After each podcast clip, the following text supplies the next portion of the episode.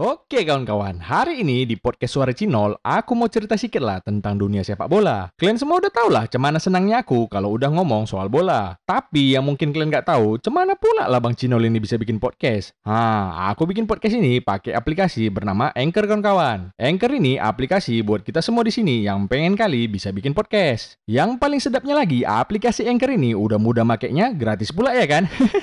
Buat info yang lebih lengkap lagi, kalian boleh tengok sendiri di www.anchor.fm atau kalian cek aja langsung aplikasi Anchor ini di App Store maupun Play Store di HP kalian. Habis kalian bikin podcastnya, huh, gak usah pusing-pusing kalian mau ngupload nih ke mana. Di Anchor ini pun bisa langsung kalian upload. Pokoknya semua bisa di Anchor ini. Cemana? Paten kalian? Kalian coba lah pakai Anchor ini, sedap kali. Saking gak terharapkannya sampai-sampai rela orang ini transfer Dani Alves yang udah mau pensiun. Si Dani Alves yang udah opung-opung aja masih dianggap bisa ngebagusin Barcelona. Apalagi si Brad kan? Beuh.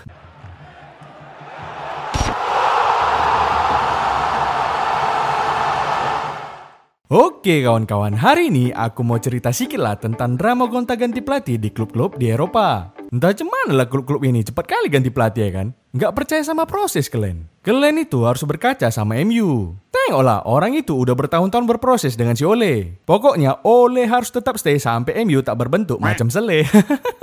Udah banyak kali pelatih kena PHK karena dinilai gagal menangani suatu klub. Apalagi di Liga Inggris sana. Ngeri kali pulanya jiwa kompetitif orang ini ya kan? Inilah salah satu poin yang buat Liga Inggris lebih menarik daripada liga lain menurutku. Aku bilang lebih menarik ya, bukan lebih bagus. Kalau soal lebih bagus, bagusan Liga Yunani lah jelas. Ada Pau FC, terus ada Pau FC juga, dan yang paling paten ada Pau FC lagi. Biasanya suatu klub bakal mencap pelatih kalau pelatihnya itu nggak terlalu berhasil mengangkat timnya atau nggak ada progres di timnya dari musim ke musim.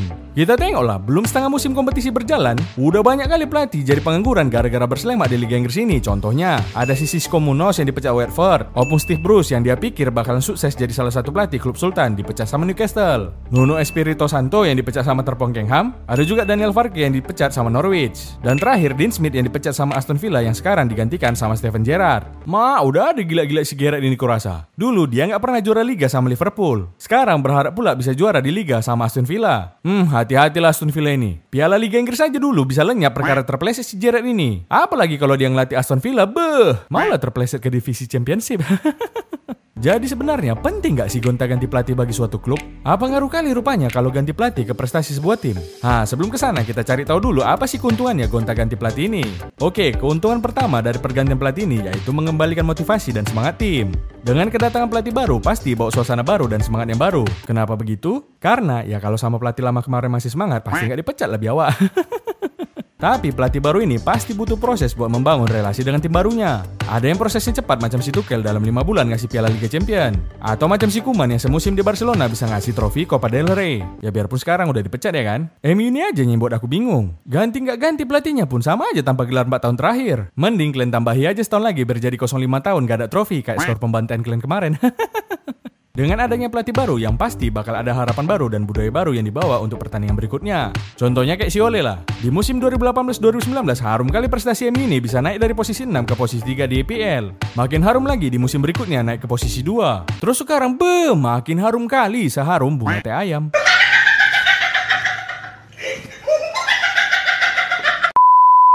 Oke lah, sekarang keuntungan yang kedua. Keuntungan yang kedua, pemain akan belajar strategi dan gaya permainan baru. Pasti lah kalau ini ya kan. Soalnya setiap pelatih punya visi dan misi yang berbeda dalam permainan sepak bola. Makanya meskipun dengan klub yang sama, tapi kalau udah ganti pelatih, biasanya strateginya sulit ditebak. Cuma sih oleh lah pelatih yang udah lama, tapi strateginya sampai sekarang susah kali ditebak. Jangankan pelatih lawan nol, kami aja bingung nengoknya. Tengoklah, bukannya jadi pelatih malah jadi cosplay tukang parkir pula dia dengan goyangan tangan ini. Sebaliknya, pelatih juga harus bisa ngebangun chemistry sama pemain untuk membangun kepercayaan dan rasa percaya diri pemain itu juga. Karena setiap hasil laga akan ditentukan oleh taktik pelatih dan bagaimana cara pemain mengeksekusi strategi dari pelatihnya. Gak mungkin ada pelatih yang pengen timnya main jelek. Aku percaya kalau udah di lapangan hanya berapa persen dari taktik yang bisa dipraktekkan. Misalnya kayak set piece, corner, counter attack itu biasanya posisi pemainnya udah tahu sama tahu. Istilahnya tutup mata pun siang umpan dia udah tahu si B berada di posisi ini. Kecuali si Werner. Seringkali pulanya dia out of position makanya sering offside. Di luar taktik, sisanya murni karena kreativitas pemain di lapangan dan kejelian pelatih melihat celah di taktik permainan lawan. Makanya sering kalian tengok di tengah permainan ada pelatih yang ngasih instruksi ke salah satu pemain. Nah, inilah aku rasa momen ketika pelatih tahu celah di taktik permainan lawan. Jadi jangan kalian pikir orang ini lagi ngomongin warna sempak. Kecuali aku pelatihnya. Mau warna sempak, mau ternak biawak, mau biawak bersempak pun bodoh amat lah. Kita bahas langsung di tengah pertandingan ini. Punya squad jelek atau biasa aja bukan berarti suatu tim gak bisa main bagus. Macam si Ranieri lah dulu. Siapa yang nyangka 2015-2016 Leicester bisa juara Liga Inggris dengan squad yang kurasa gak bintang-bintang kali pemainnya. Ini murni karena si Ranieri tahu kekuatan pemainnya dan taktik yang pas buat timnya. Meskipun agak hoki juga dia sih punya Kante yang saat itu orang gak tahu kalau dia sejago itu. Tapi sekarang mau ditesnya lagi bersama Watford ya kan? Gak ada Kante, si Soko pun jadi. Jadi degradasi tapinya. Cuma punya squad bagus juga nggak menjamin keberhasilan suatu klub kalau pelatihnya nggak punya formula yang pas dan nggak bisa manfaatin kemampuan pemainnya. Jadi pelatih yang bagus itu tahu nyari pemain yang sesuai dengan gaya main yang dia pengen. Bisa aja pemain yang gak kepake di pelatih sebelumnya malah jadi kunci di pelatih yang baru. Atau pemain yang tadinya mau pindah malah jadi betah di klubnya itu. Contoh paling pas kurasa si Klopp lah. Di awal-awal dia ngelatih Liverpool, si Klopp dapat barang rosokan. Pelan-pelan lihat disortirnya mana rosokan yang masih bisa dijual, mana yang masih bisa dipakai. Habis itu dicarinya barang lain yang lebih bagus dan masuk ke strategi game pressingnya. Dan akhirnya kemarin bisa juara Liga Champions dan Liga Inggris bersama Liverpool. Tapi apalah gunanya juara Liga Champions sama Liga Inggris kalau nggak punya trofi Community Shield kata fans Arsenal. Cuma aku yang herannya gitu banyaknya rosokan yang udah dijual. Kenapa si Karius sama si Adrian ini nggak dibuang-buang sama si Klopp? Bukan gitu nol. Istilahnya buanglah sampah pada tempatnya. Cuma cemana mau dibuang nol? Sampahnya ada. Klub tempat sampah yang mau nampung orang ini yang nggak ada. Nah kalau contoh squad yang bagus tapi nggak tahu makainya mungkin si Ole inilah sekarang. Pertanyaannya apakah betul pemain-pemain MU sekarang emang kemauan dari si Ole? Belum tentu. Tapi kalau kita tanya si Ole sekarang pun, Mang Ole, ini semua pemain-pemain MU sekarang ini emang betul-betul kemauanmu apa cemana? Enggak nol. Jadi kemauanmu yang kayak mana? Kemauanku? Kemauanku cuma satu. Jangan dipecat aja. Oke, keuntungan yang ketiga. Keuntungan yang ketiga yaitu bisa membuat fans lebih percaya kepada klub. Gak bisa dipungkiri, fans itu merupakan elemen penting dari klub sepak bola. Omongan fans pasti didengar sama klub. Ya meskipun didengar aja, belum tentu diterima ya kan?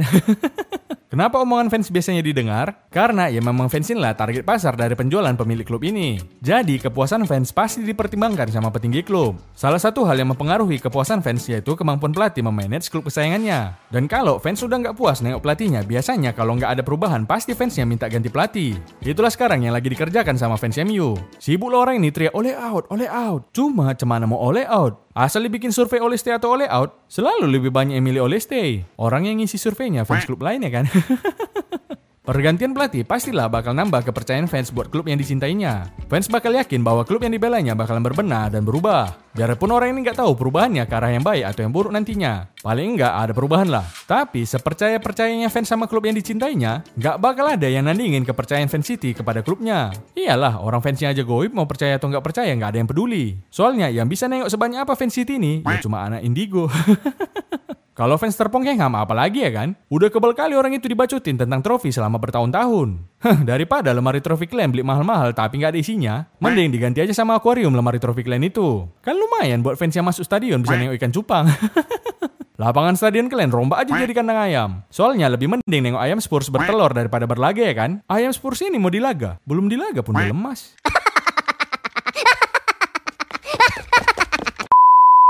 Next, keuntungan yang keempat. Keuntungan yang keempat dengan adanya pelatih baru ini bisa membuat klub rival ketakutan. Contoh dulu waktu si Kuman ngelatih Barcelona. Kalian tengok lah, udah nggak ada lagi segan-segannya tim di La Liga sana lawan Barcelona. Apalagi Messi udah nggak ada. Jatuhnya tim di La Liga mau ngelawan Barcelona macam lawan Levante lah rasanya. Kalau sekarang mulai segan lah orang ini sama Barcelona. Udah masuk pula Abang Safini jadi pelatih soalnya. Heh, tenang aja kalian cul, bakalan dibawa si Safini kalian bersinar lagi. Bersinar menuju jalan kegelapan tapinya. Bukan apa ya kan, tengok kalian lah sekarang. Mana ada lagi yang bisa diharapkan dari pemain Barcelona? Saking gak terharapkannya sampai-sampai rela orang ini transfer Dani Alves yang udah mau pensiun. Si Dani Alves yang udah opung-opung aja masih dianggap bisa ngebagusin Barcelona. Apalagi si Bradway kan? Beuh, bisa bagus sih, bisa. Bagus diputus kontraknya tapinya. Nah itulah menurutku keuntungannya gonta-ganti pelatih. Tapi pergantian pelatih ini juga bisa jadi kerugian bagi klub. Nah apa aja sih kerugiannya menurutku? Yuk sama-sama kita ikutin. Bacot kali ya. Oke, kerugian yang pertama. Kerugian yang pertama bakal ada pemain yang dijual atau nggak dipakai dengan gaya bermain pelatih yang baru. Macam yang kuliah tadi, pelatih baru bakal menilai pemain, mana yang bakalan dipertahankan, mana yang dicadangkan. Atau yang mana mau dijual kalau pemain itu nggak cocok sama strategi pelatihnya. Biasanya pelatih baru bakalan lihat pemain-pemainnya di latihan atau mungkin di tayangan ulang pertandingan sebelum-sebelumnya. Oh, yang ini bisa ini. Ini bisa juga, bisa dibuang. Kalau yang ini masih bisa nih dibina. Yang ini bos, ah kalau yang ini binasakan aja lah. ini kita jual aja lah ya bos ya. Jangan, sedekahkan. Kalau Lord kita yang ini gimana bos? Masih ada sisa semen kemarin kan? Masih bos, mau dibikinkan patung dia di depan stadion? Oh bukan. Pergilah kau kocokkan dulu semen itu di depan dia. Terus kau bilang lah, kau tengok nih biawak. Semen sisa kayak gini aja masih lebih berguna daripada kau. Woi, serius sekali kalian dengar podcastnya. Kalem lah bos, kalem. Sambil half time gini, enaknya kita nyantai sambil ngomongin orang ya kan? Jadi kan weh, aku punya kawan nih. Jago kali bikin podcast. Mau bikin podcast yang macam kalian dengar sekarang ini pun, aku minta tolong ya sama kawanku ini. Namanya Anchor. Kalian pun kalau pengen bikin podcast, minta tolong aja sama dia. Suka-suka hati kalian aja mau bikinnya kayak mana, pasti dibantu sama dia. Di mana pula kami cari kawan kau itu bang? Eh, masalah sepele itu. Kalian buka aja App Store atau Play Store, terus kalian ketik lah. N C H O R Anchor atau kalian ketik aja www.anchor.fm di browser kalian. Nah, habis itu kalian rekamlah suara kalian yang mantap itu. Ngedit sama nguploadnya cemana bang? Gak usah kalian bingung, semua bisa di Anchor ini. Udah gak usah banyak kali cakap kalian, gratisnya aplikasi Anchor ini. Takut kali kalian disuruh bayar. Kalian coba lah aplikasi Anchor ini, beh macam podcaster sejati. Bangga kali lah mama bapak kalian nanti, betul lah. Memang gak ada obat kali kawanku si Anchor ini, paten kali ya. Nah, kerugian yang kedua, Kerugian yang kedua, tim itu harus belajar lagi dari awal untuk memahami taktik dan gaya bermain pelatih yang baru. Selain dengan pelatih yang baru, mereka juga harus adaptasi dengan staff dan manajemen yang baru. Yang dulu latihannya mungkin kebanyakan latihan mikir karena taktiknya bikin pusing, sekarang latihannya banyak latihan passing sama pressing karena taktiknya bikin pressing misalnya. Tapi kurasa adaptasi taktik ini nggak berlaku sama tim yang dilatih sama Mourinho. Soalnya udah semua orang tahu taktik parkir busnya. Mau ngubah taktik sampai pakai taktik parkir tank pun nggak akan ada gunanya. Lawan tim bodoh-bodoh aja bisa dijebol 6 kali. Lanjut ke kerugian yang ketiga. Kerugian ketiga yang bisa terjadi udah ganti pelatih baru tapi malah bukan pelatih yang tepat. Ini pun bisa jadi bumerang juga buat klub tersebut. Apalagi kalau pergantiannya berlangsung dengan cepat. Misalnya belum satu musim udah diganti. Ini berarti klubnya memang gak ngasih kepercayaan penuh buat pelatih itu mengelola suatu tim dan cuma pengen dapat hasil yang instan. Biasanya ini terjadi ketika pelatih itu datang dari liga dan kultur budaya yang berbeda. Dan tentunya dengan pressure yang berbeda pula. Gitu dia masuk ke tim itu dan gak dapat hasil yang maksimal langsung dipecat. Diganti lagi sama yang baru. Udah diganti, pemainnya mesti adaptasi lagi. Kita aja yang nonton bingung kadang-kadang nengoknya. Konon lagi pemain yang merasakan, pasti lebih bingung lagi. Bukan apa ya kan, gak semua pemain punya tingkat intelijen yang sama. Ada yang nangkapnya cepat, ada juga yang lambat dan harus dikasih contoh dulu baru tahu. Kayak si Casemiro kemarin lah, disuruh ngoper bola malah di headshotnya pula mau gak sipret. Gonta ganti pelatih yang jadi bumerang contohnya itu macam Barcelona. Mulai dari Opus Setien, Ronald Koeman, dan sekarang Safi yang menangani Brewet dan kawan-kawan. Perasaan pemain Barcelona yang dulu pas dilatih sama Setien, hmm gini kali barasannya dilatih sama Opung-Opung. Capek-capek latihan serius, endingnya dibantai 28 pula sama Bayer. Pas masuk si Kuman, mak ngeri kali batik tipan orang dalam ini. Mentang-mentang pelatihnya orang Belanda, banyak pula dimasukkan dia orang Belanda ke Barcelona ini. Pas masuk si Safi, merepet-merepet lagi orang ini. Biawak lah si Safi ini, legend si legend. Tapi masa baru masuk udah 10 peraturan aja dibikin dia? Cobalah kalian baca ini dulu. Satu, pemain harus datang 90 menit sebelum latihan dimulai. Hmm, nunggu latihan pun masih bisa nonton satu pertandingan bola dulu ya kan? Dua, staff harus datang lebih dulu daripada pemain. Iyalah, kalau pemain duluan datang daripada staff itu namanya cari muka biar dipikir anak baik ya kan? Ketiga, semua pemain harus makan di tempat latihan. Ini udah salah ini, makanlah di tempat makan, latihanlah di tempat latihan. Jangan pula terbalik, makan di tempat latihan, latihan di tempat makan. Empat, penerapan denda. Alamak, ketahuan kali butuh duit Barcelona ini. Lima, denda digandakan jika melakukan kesalahan berulang. Hmm, pandai kali ngelipatnya biar cepat lunas ya kan? 6. Pemain tidak boleh keluar tengah malam setidaknya 48 jam sebelum pertandingan. Hmm, mampuslah pemain Barcelona. Nggak bisa lagi paket malam di warnet ya kan? Cemana mau paket malam, bayaran token listrik Nou aja belum lunas. 7. Pemain harus tampil maksimal saat latihan seperti dalam pertandingan. Mungkin yang ditengok siapa yang paling bagus divingnya kali ya. 8. Tingkah laku pemain di luar lapangan bakalan diawasi. Hmm, matilah si Bradway. Nggak bisa lagi jadi joker dia kan?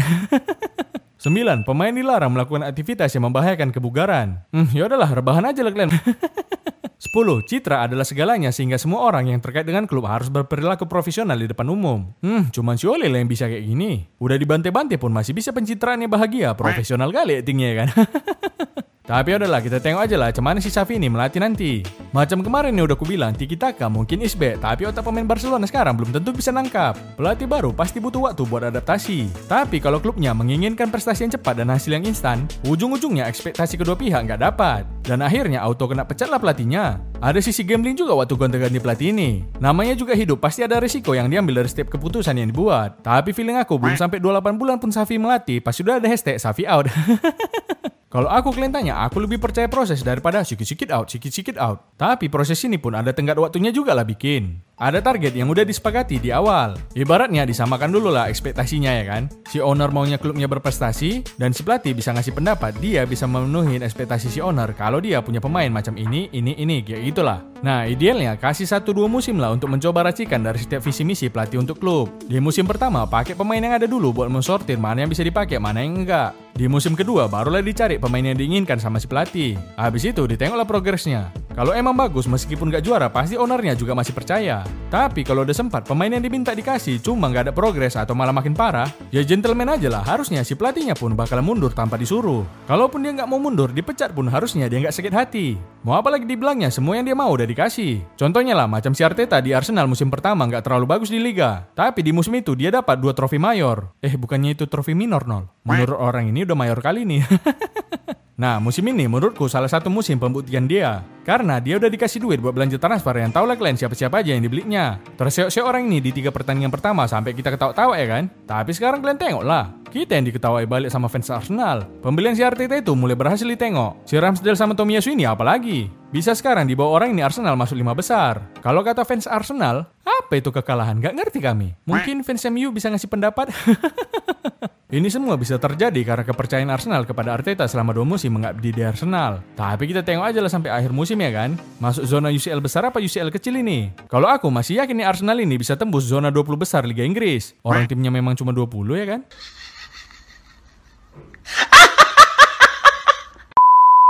Pengaruhnya pelatih itu menurutku kayak guru yang ngajar satu mata pelajaran di kelas. Beda guru, beda semangat anaknya buat belajar. Ah, pasti udah tau lah kalian ya kan? Misalnya, sama-sama pelajaran matematika di sekolah, guru kelas A killer kali, guru kelas B baiknya minta ampun. Otomatis suasana kelas B lebih harmonis dan biasanya nilainya lebih bagus daripada kelas A, tapi bukan berarti kelas B lebih jago dari kelas A. Sama kayak guru penjas, kalau guru penjasnya Gattuso sama guru penjasnya si Ole, pasti lebih bahagia murid yang guru penjasnya si Ole. Orang melawak aja kerjanya ya kan? Gue terus dan banyak yang main dan emang gue doang. Ya udahlah, itu aja lah bacotanku soal pelatih. Oh iya, sejujurnya mau sejelek apa pun pelatihnya, aku lebih pengen lihat pelatih itu mengundurkan diri daripada dipecat. Dan aku tim percaya proses wak geng. Aku percaya segala sesuatu butuh proses. Proses suka dan suka sama-sama udah kita lewati. Eh, nggak ada dukanya nol. Ya nggak ada lah, dukanya udah ditanggung sama fans MU, Arsenal, sama Barcelona. Makasih kali lah buat kalian semua ya Wak Geng. Semoga bacotanku ini bisa menyadarkan kalian bahwa udah emang seharusnya kita di sini bersama-sama satu sama lain bersatu padu untuk saling mendukung. Mendukung gerakan Oleste tapinya. Oke lah, udah dulu ya Wak Geng. Ku tutup lah dengan pantun sedikit ya kan. Ini pantun dari Tanah Karo sana. ate kalah, ate jadi. Udah pengen berak, tapi nggak jadi. Dadah Wak Geng.